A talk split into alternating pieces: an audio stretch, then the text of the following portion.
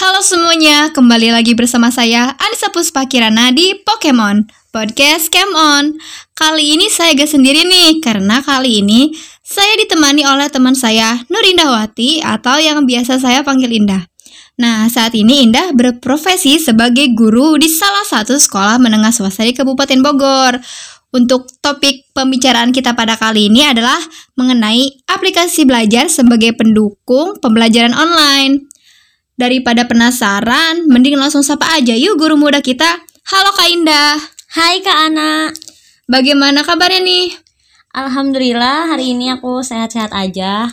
Nah, mungkin boleh perkenalkan diri dulu sebelum kita masuk ke topik pembicaraan kita pada kali ini.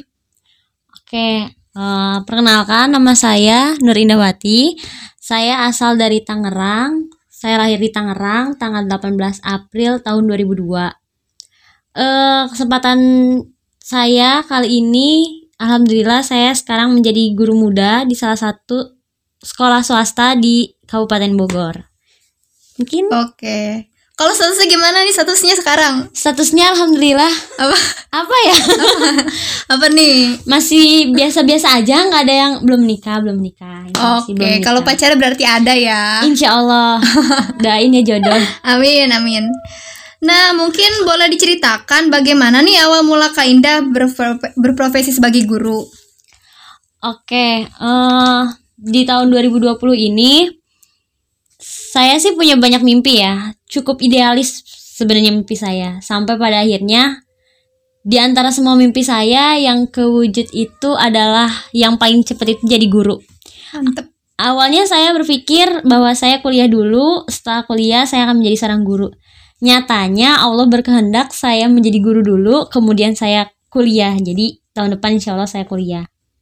Uh, semua di luar prediksi saya semua di luar kemampuan saya saya nggak keterima di salah satu universitas negeri di Indonesia ini hmm. tentunya. Kemudian saya mencoba untuk tetap bangkit gimana pun saya harus tetap hidup gitu. Oke tahun ini saya nggak kuliah tapi saya pengen masih tetap produktif gitu di masa pandemi ini terutama. Akhirnya saya coba-coba cari uh, pekerjaan yang sesuai dengan hati nurani saya karena sebelumnya saya udah kerja tapi nggak sesuai di hati gitu ya. Jadi ya mumpung alhamdulillahnya sekarang ada sebagai guru kenapa enggak? Jadi saya coba dan saya betah dan menikmati berarti Kak Indah ini ya sebagai guru. Menikmati pakai banget sih alhamdulillahnya. Jadi kayak ada kepuasan yang gak bisa saya ceritain gimana kepuasan saya menjadi seorang guru berkahnya di situ sih. Oke deh, keren juga berarti nih ya. Awal mula bagaimana Kak Indah berprofesi sebagai guru. Nah, kalau boleh tahu sejak kapan nih Kak Indah mulai berprofesi sebagai guru?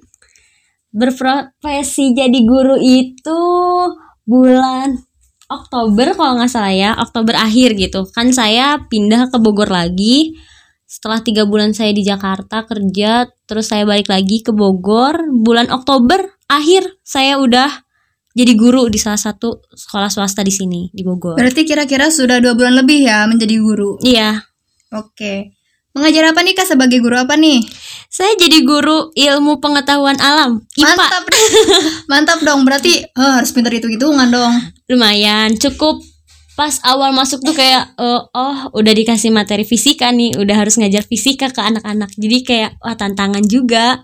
Gak pernah kepikir kalau bakalan jadi guru SMP sih. Tapi kayak ya udahlah, alhamdulillah jalanin dulu aja. Keren keren. Kenapa sih Kak Indah itu lebih memilih untuk berprofesi sebagai guru apalagi kan sekarang kondisi pandemi seperti ini pasti lebih besar tantangannya. Kenapa saya pengen jadi guru? Karena uh, di hati nurani saya sendiri sih emang pengen jadi guru. Kayaknya jadi guru itu klasik sih alasannya. Awet muda, terus selalu belajar tiap hari. Maksudnya ya kalau kita mau ngajar kan harus ngasih materi kan ke anak-anak. Jadi kita harus ngerti tantangan baru buat saya dan saya suka bersosialisasi di mana saya bekerja dengan hati nurani saya tanpa ada beban. Maksudnya dalam artian kamu harus seperti ini. Deadline-nya segini ya, kayak wah, saya bukan yang seperti itu tipe pekerjanya. Saya lebih senang mengerjakan sesuatu sesuai dengan hati saya dan itu ada kepuasan gitu dan guru adalah jawabannya bagi saya. Keren ya alasannya salah satunya yang bikin awet muda itu klasik itu keren nih keren. Suka suka suka. Nah, langsung aja ya ke topiknya masuk. Oke. Nah, menurut Kak Indah ini apakah belajar sistem online seperti ini sama efektifnya dengan belajar offline atau tatap muka langsung? Bagaimana nih menurut Kakak? Eh, karena saya baru ya di dunia pendidikan ini dan saya merasakan gimana resahnya menjadi anak murid dan tenaga pendidik di dalam masa pandemi ini kurang efektif banget kurang efektif banget buat eh, belajar karena eh, salah satu fungsinya belajar kan dalam tatap muka kan untuk memberikan sebuah pemahaman kepada anak-anak bisa melalui kontak mata bisa melakukan ya istilahnya tatap muka gitu ya Iya, iya. karena sekarang daring jadi semuanya tatap mukanya serasa tidak tatap muka jadi semuanya agak sulit gitu. Jadi nggak ada chemistry antara guru dan juga anak. Bener. nah di situlah yang membuat anak tuh jadi kesulitan untuk memahami materi gitu. Kadang kita pun sudah melakukan ini itu tapi tetap saja anak tuh kurang memahami. Mungkin karena nggak ada gerak gerik kita nggak ada chemistry yang sepenuhnya dari kita Iya. juga dan mungkin kendala-kendala lain yang dimiliki oleh setiap siswa yang berbeda-beda. Nah, untuk media pembelajaran online nih, apa saja yang Kak Indah gunakan untuk pembelajaran online medianya itu? Eh, aku pakai YouTube sih ya. Pasti guru-guru yang lain juga Iya, pakai link iya YouTube sih. kan. Ngasih ke anak murid yang recommended banget. Terus pakai WA group, pakai Google Meet juga kalau bisa kalau sinyalnya memadai. Terus Iya. saya juga pakai Google Form ya. Terus saya juga pakai Quizzes kalau misalnya lagi ada sinyal nih anak-anak juga lagi mau kegiatan Quizzes ya kita Quizzes aja pakai aplikasi. Dan itu sangat memudahkan untuk ulangan harian sih. Iya sih bisa ya. Nah, untuk aplikasi belajar yang Kak Indah gunakan, aplikasi tersebut sama-sama Kakak gunakan untuk menyampaikan tugas dan materi atau berbeda nih dalam eh, penyampaian tugasnya? Mungkin penyampaian tugasnya hanya lewat eh, YouTube atau mungkin penyampaian tugasnya di WA. Jadi bagaimana nih fungsi dari setiap aplikasi belajar online itu untuk Kakak dan siswa? Nah, kalau misalnya belajar sehari-harinya gitu ya, kayak seminggu berapa kali gitu tetap muka, maksudnya online daring, saya menggunakan WA group biasanya. Nah, di situ saya menerangkan semua materi menggunakan VN. Nah, terus eh, kalau misalnya ada video pembahasan yang saya temukan di YouTube dan recommended, bahkan saya kasih linknya ke anak-anak murid saya. Jadi eh, selain dapat materi dari saya, bisa dapat dari YouTube juga. Kita bisa lihat di TVRI ya. Waktu itu saya kasih tahu anak-anak buat baca eh, buat melihat tonton TVRI waktu itu tuh eh, materi kelas 8 nah itu cukup membantu juga TVRI selain itu kalau Google Form itu biasanya buat ulangan sih buat ulangan anak-anak. Nah yang lebih eh, menarik lagi biar nggak bosan anak-anak tuh pakai quizzes pakai aplikasi jadi nanti di situ eh, udah ketahuan nih dia dapat nilai berapa. Jadi kita nggak usah ngitung capek-capek karena langsung keluar nilainya.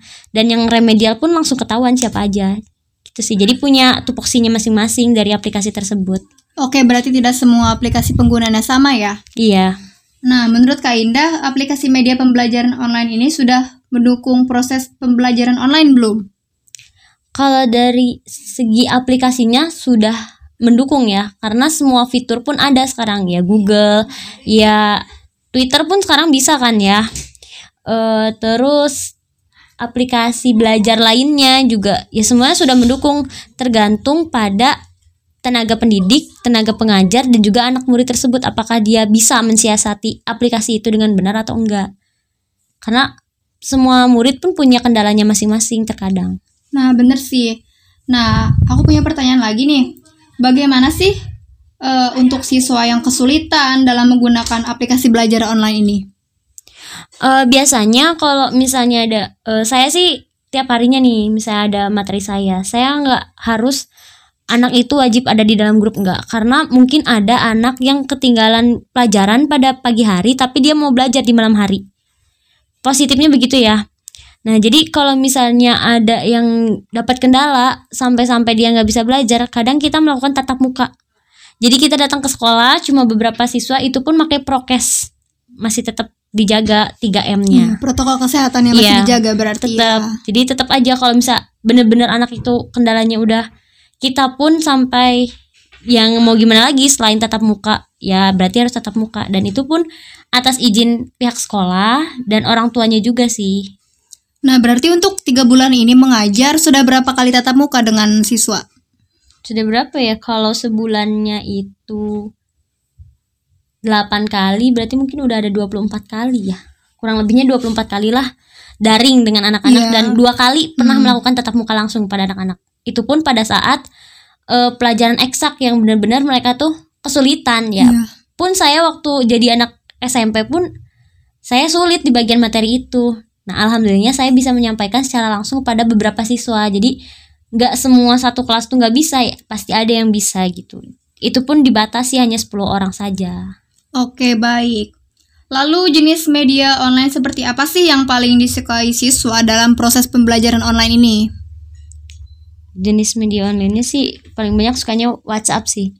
WhatsApp, Soalnya iya. dia selalu membuka WhatsApp kan ya, nggak mungkin dia selalu membuka YouTube. Jadi mereka lebih gemar di WhatsApp. Jadi kalau pemberitaan apa pun lebih gampang lewat WhatsApp dibanding Telegram dan sebagainya. Iya, bener ya kalau misalnya WhatsApp juga kan eh, jaringan lebih memadai Iya. walaupun misalnya jaringannya sedikit juga masih bisa masuk pesan ya dibandingkan Iya. dengan YouTube atau media pembelajaran online-nya. Iya Telegram seperti itu. Sebenarnya banyak kan ya iya media-media di Telegram pun kita bisa mendapatkan apa pun tapi ya balik lagi sinyal karena Iya, kita kan nggak di kota-kota banget gitu. Mm. Nah, mungkin seperti itu informasi mengenai eh, aplikasi belajar sebagai pendukung dalam kegiatan pembelajaran online. Nah, sebelumnya saya mengucapkan terima kasih kepada Kak Indah yang Eh, sudah sama-sama. menyempatkan waktunya untuk berbincang mengenai topik ini. Semoga ke depannya selalu lancar ya Kak. Amin. Semoga selalu diberikan jaringan. Semoga na- nanti semester depan berarti gimana nih? Udah mulai masuk sekolah atau masih online? Insya Allah Januari itu kita udah mulai masuk tapi tetap prokesnya tetap mungkin ada shift pagi dan siangnya juga tapi ya kita usahakan siswa dan tenaga pendidik sama-sama nyaman. Oke, baik terima kasih Kak Indah. Ya, sama-sama. Sukses selalu. Amin.